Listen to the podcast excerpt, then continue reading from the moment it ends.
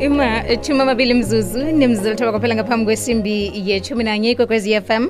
kukhanya ba siyibuyile godu nehlelo lezepilo ngileli hlelo ngilapha namkhake kulapha uthola khona ilwazi lokubana ungahlala njani uphile kuhle begodu ungenza njani isiqiniseko sokubana nangabe sele ungenwe bulwelwe okhona ukubulawula bewulapheke ihlelo elike ulethelwa ngemfisela buhle i-sabc radio education enriching minds enriching lives emoyeni ukuhamba nozuzu lihlelo elive ezwa nguphindile okwamahlango sikhambisana nobusayi ehlelweni ngimnawe namhlanje sike sikhuluma ngekankere yamaphaphu i-lung cancer ngokujayelekileko emtatweni sikhambisana nodr dube ozosihlathululela ngobulwe lobu dr dube lotsha akwandre ninjani sivukile singezwa kini hawa sivukile asibalotshise nabalaleli bekwekwezi phasiloke zombelele kukhanya ba uyavuma oh, umlaleli kukhanya bana ngambala eh, dr dube namhlanje sikhulumisa indaba yekankere siyisamakhulu ikankere yeke ikuhamba koke nje sithe akhe sikhulume ngekankere yamaphaphu um eh, sebabona uthome ngokusihlathulela kobana kwenzekani ngaphakathi emntwini navane kuthiwa unekankere yamaphaphu vane sele kunjani eh akhe simnikele umlaleli background amaphaphu eh zizitho zomzimba ezitholakala la ngaphambili ngesifubeni amaphaphu ethu asihelebha lokha siphefumula siphefumule in i-oxygen and sikhiphe umoya ongasirehe ongalungile i-carbon dioxide amaphaphu azizitho zomzimba ezinjengesipontshi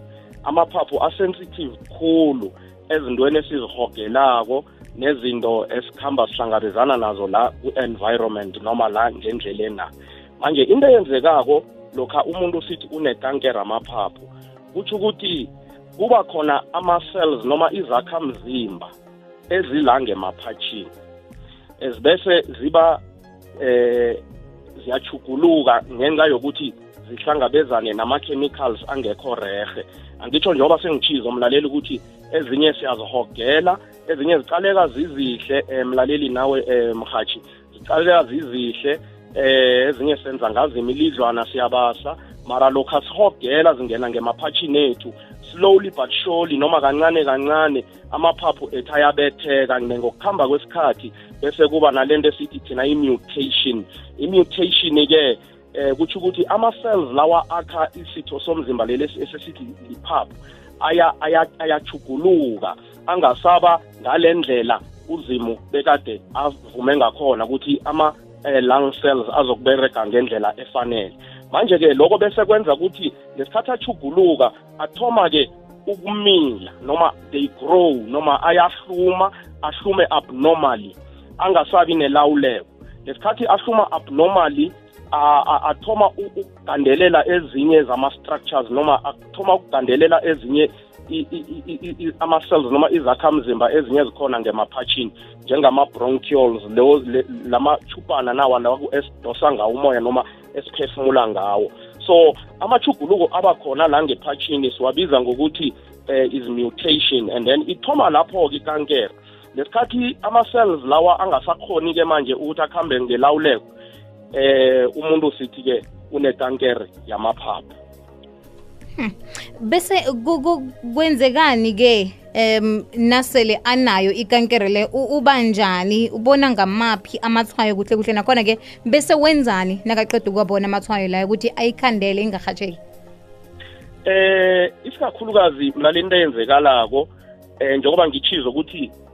ama changes lawo noma ichuguluko leli lenzeka ngemaphatchini alenzeki overnight mhathi noma alenzeki eh mafishazana kwenzeka kuthatha isikhathi eside before umlaleli angathoma ukubona ukuthi hayi mani amaphaphu ami ngathi anenkinga mani yini mani amalangana langathi ngiyakhwehlekhohlela loku angistop ukukhwehlela and sikhathini esiningi sesikhulume ngawo amathwayo eh uzokukhwehlela umlaleli akhiphe isikhwehlela kwesinye isikhathi engathi sinegazi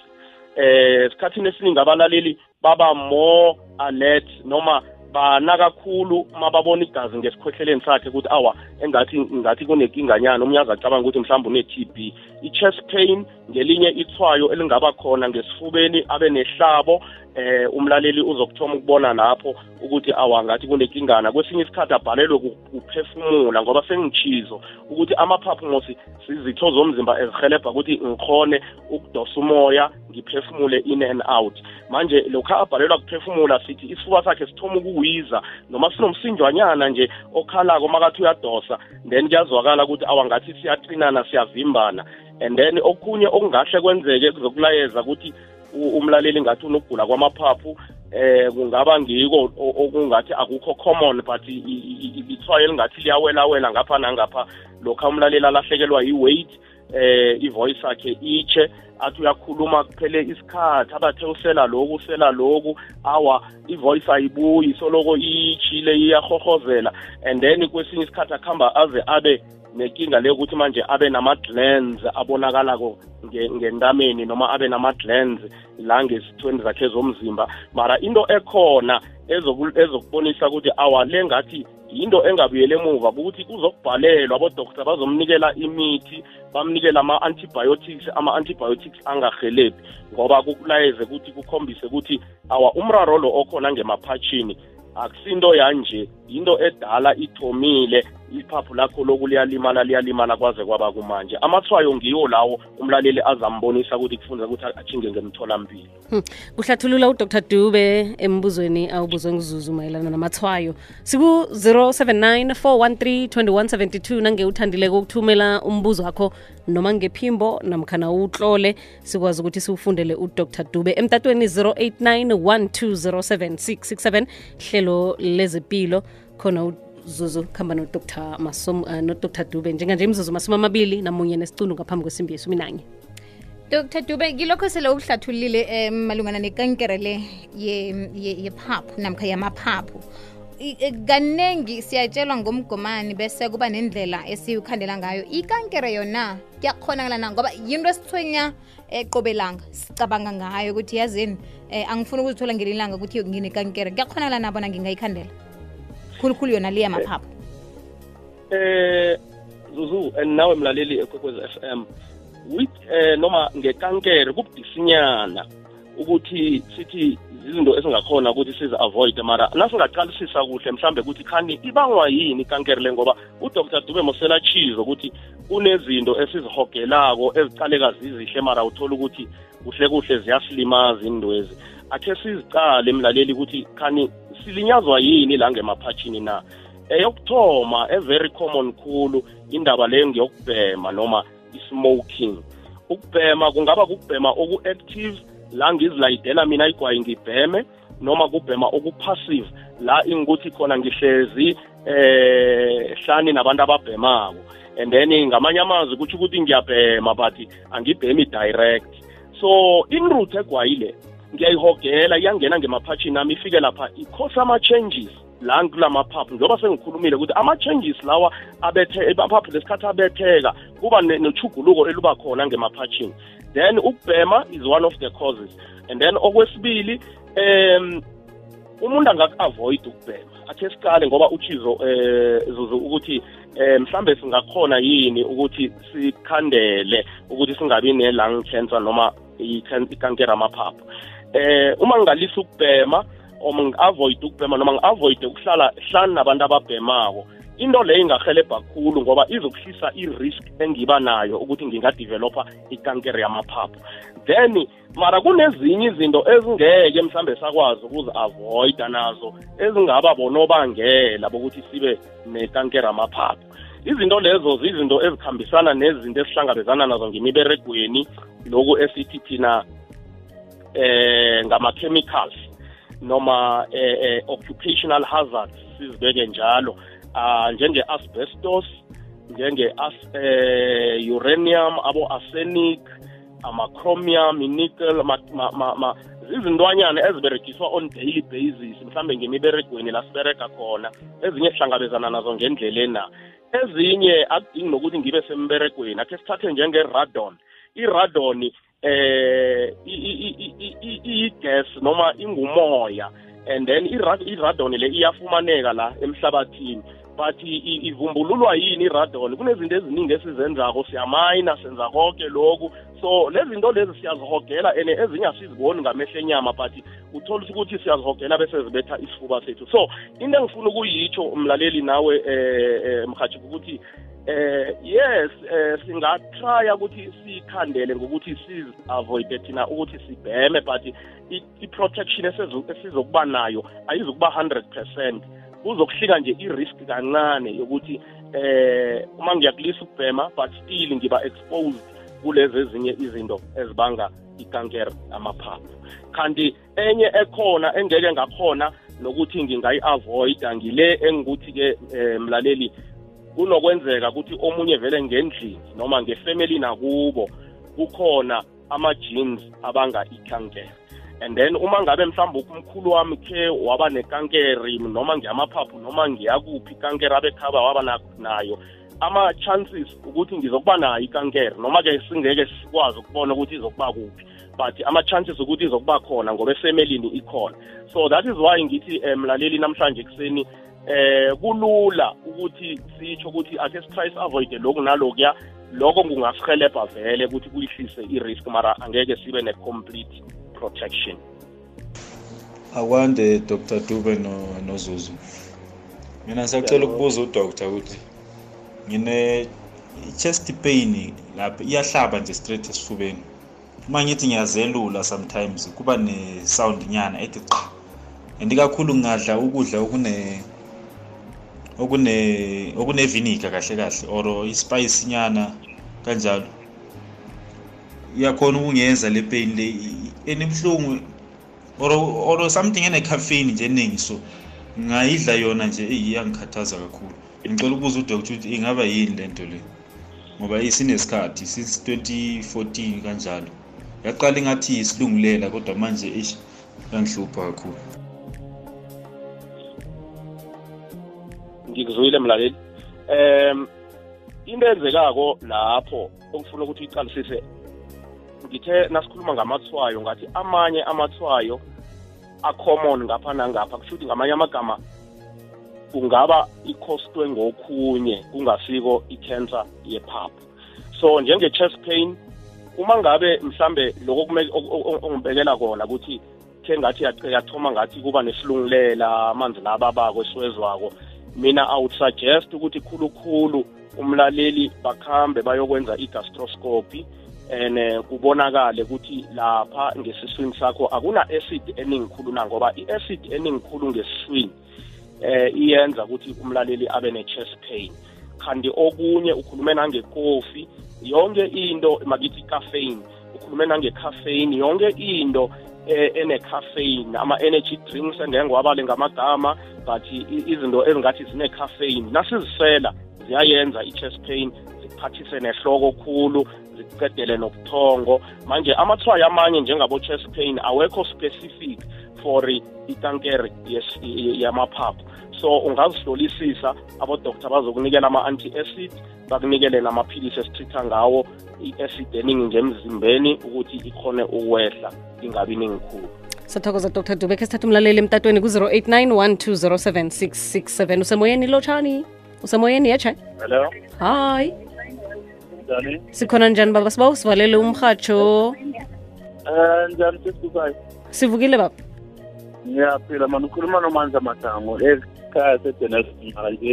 e-woodbank ne mhm. mina ke ngaberegela kunendawo nginami ngengisho negama i-power station like basiberegisa ku-abestosi bese safound out ah like sekuhambeni kwesikhathi ukuthi siberegela duzane e-abestosi maye nginenkinga ukuthi bathize like develop isikhathi eside maye mina like angikhohlela kuphuma ezinye into ezimhlophe ezincane and into ezo ziyanuka and then langaphakathi kuyachisa esikhathini esiningi ayikho i-treatment engayithathi mara solo kuyala hmm. manje ngiba udoktor ukuthi like njengoba naku ama-symptom like kunento eziphuma-ke ezimhlophe so ziyanuka into zakhona manje ngiba ukwazi ukuthi like loko bangelwa yini okay ngaphambi kobana ubeke phasi ngahani eh, kunobuhlungu obuzwako um nawukhwehlala kunjalo mama kuphi khona ubuhlungu engibuzwako ngiphumula leti angilele ukuvuka kwami like mm. kunamapeyini everyday kunepeyini like ithoma njenge-heartburn ipeyini kuphi baba from 20 kula Thubeni from 2013 mm. saberegela duza ne-abestos from lapho vele ukuphumula ngitholi everything ngihlale nginey'hlahla ngiyasela kuyafana lethi into engithusayo ukuthi sekuphuma into enye emhlophe mm, nokabo mm. okay uh, thi udr dube asiphendulele dr dube nasikinga kuphuma into ezimhlophe emlaleli nakakhohlelawo inkahane zibangwa yini eh izinto lezi akhuluma ngazo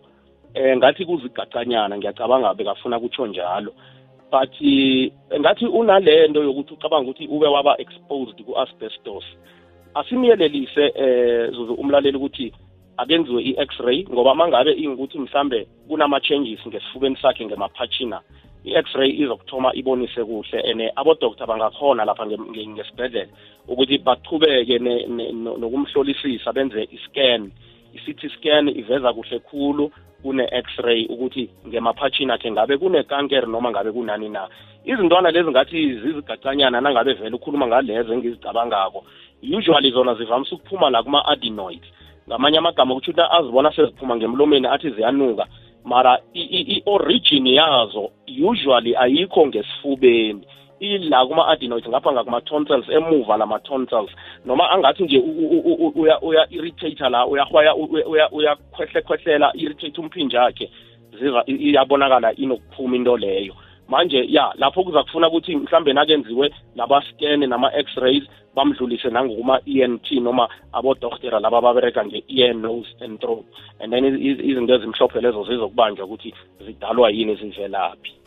kuzwakala kamnandi dr dube sithathe umlaleli ngephimbo ku-079 413 hello busayi nozuzu nodr dube mina ngiba ukubuza busayi ukuthi ikankere yamaphaphu i-alcohol utshwala bungabangela na ukuthi na ugcina sowunekankele yamaphaphu usizwe ton la emanaleni uzwesi siyathokozana nathi sizwe ngiba ukukufundela le dr dube nawusazomphendula umlaleli uthi umma wami kadalila ngepeyini esifubeni wagcina nesilonda ngaphandle esifubeni savuleka besiphuma ingazi kodwana-ke ubuhlungu ugcine adlulile ephasini uthi ngiyabuza ukuthi ngakhani ngiyo na ngoba nokubhema kade angabhemi sincancabazeka umlaleli ngokudlula kwakama ephasini ngikuzwile busayi um mbuzo kuthoma utshwala utshwala eh nasibala ama causes noma izinto esingathi zicaleka vele 90% kubhema kubanga icancer yamaphaphu 90% ukubhema kubamba kubanga ikankera yamaphaphu but i-alcohol eh ayikabalwa njenge nye yembangela zekankera amaphaphu ingakukhosta okunye ukugula but hayi ikankera amaphaphu asiyitholi nasenza ihubhululo and uma lo ekubuzwe ngaye ukuthi ngathi uphe waba ne-chest pain kwagcina kubhobokele ngaphandle udade loyo mhlambe ngathana umentshinile ukuthi isilonda leso sibhoboke ngebeleni noma sibhoboka engathi engivamise ukuyibona ngathi iziveza njengesilonda esiphumela ngaphandle bese vele siyabhidlidla siyabhidlika ikankere yebele so kunama-chances ukuthi umamakhe bekane-cancer ye-breast Eh, dr dube kaningi navane mhlambe umuntu athoma ukukhwehlela sigijimele imitholampilo namkha siyozithengela thina ekhemisi um inhlahla namkha imitshoga kuba yingozi kangangani ekutheni lokho umuntu unakakhwehlelako azibona kunesihlahla sokukhwehlela asolokasela sona nanyana kungapheli ukukhwehlela kwakhona uthole ukuthi mhlambe sekunekankirakazi iye eh into ehle eh, mlaleli nawe eh, eh zuzu but esikhathini esiningi ibambezela ukuthi umuntu angasheshe bathole ukuthi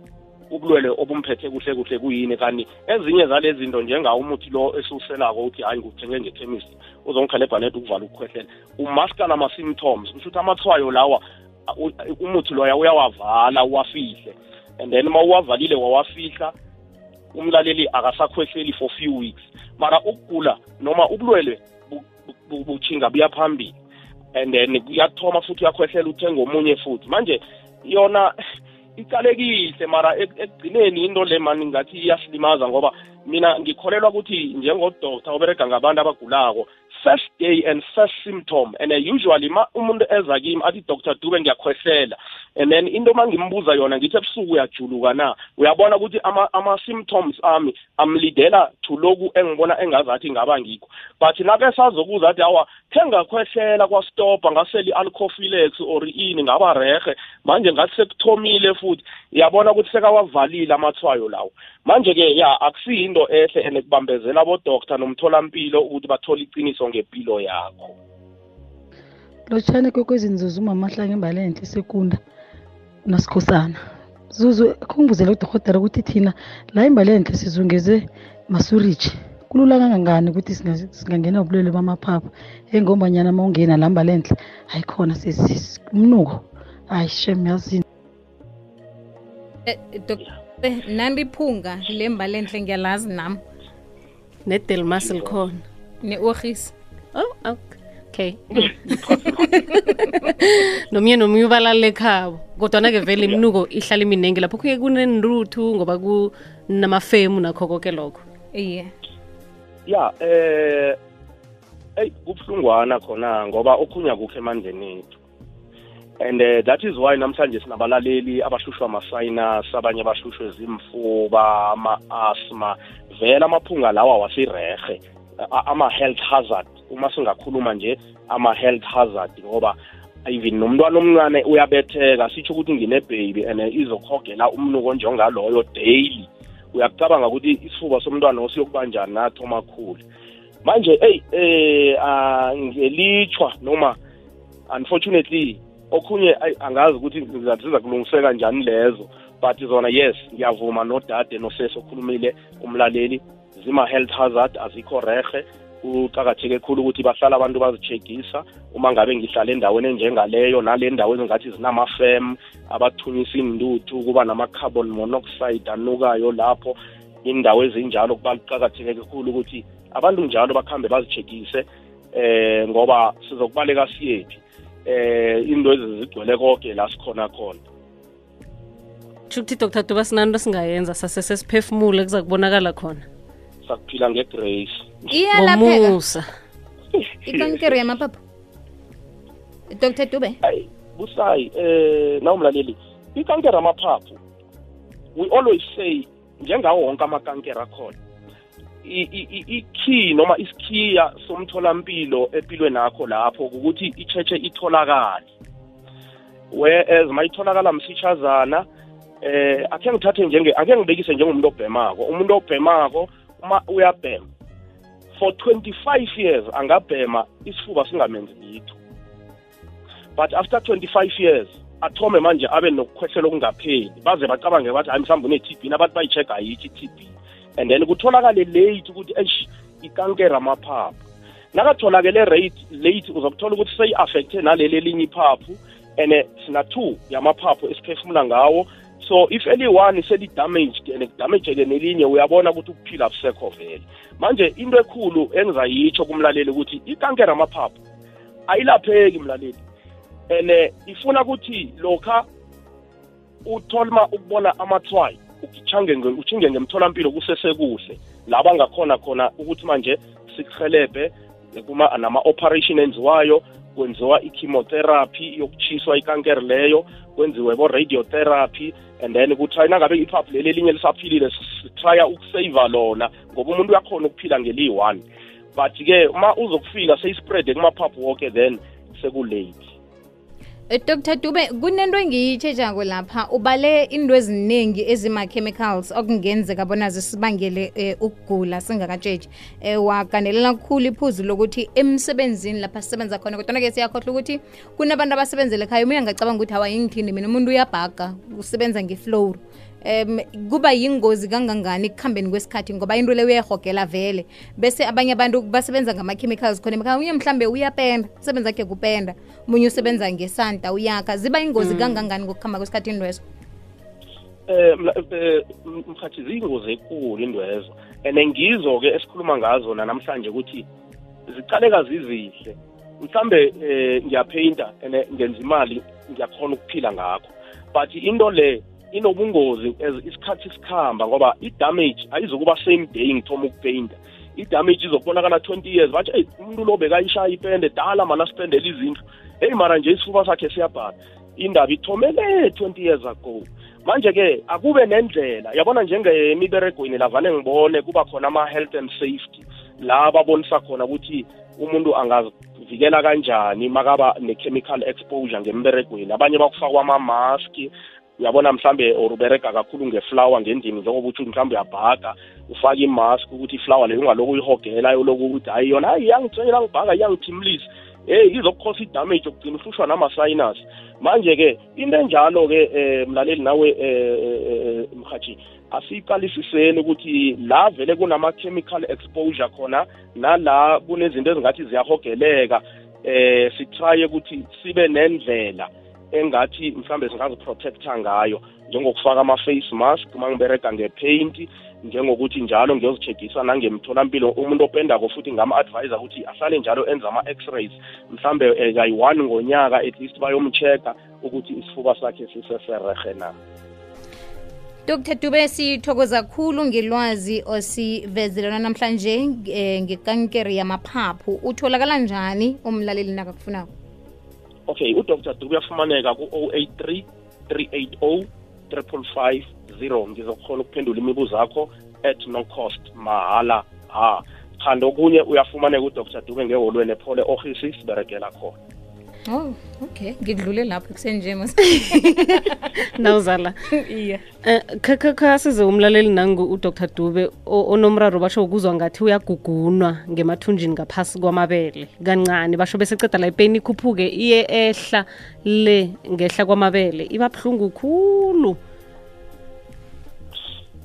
Eh ngathi sikhuluma ngomuntu wengubo busayi. Iye.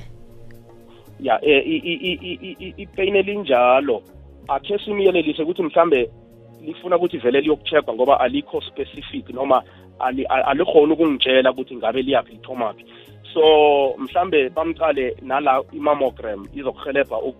ukuhlukanisa ukuthi ipain leyo kanti ngabe isuka emabeleni ngoba nangabe ikankere yamabele kuzokubonakala nakumammogram noma ngabe isigadla anganaso mara mhlambe iseyintwanyana encane ethomako i-mammogram izokhona ukusi-expose ukuthi oh la kune-growth esele ithomile or mhlambe ipain lelo lisuka ngaphakathi esifubeni noma ngehlizweni kukuhle ukuthi enziwe ama-x-ray afike kudr dube noma kwamanye abomtholampilo bamcheck-e kuzwakale ukuthi ngabe esifubeni sakhe kunani okurongo na isifuba siqakatheke khulu umlaleli umlaleli isiyeleliso engamnikela sona isifuba siqakatheke khulu ukukhwehlela kwakho ungakuthathi ukuthi wena yi-flu ngoba ezinye vele zithoma njenge-flu the next thing awakubhalile manje kucakatheke kunokukhohlekhohlela ungalokho ukuthi engumuthi ekhemisi nabobostol ukuthi uyasela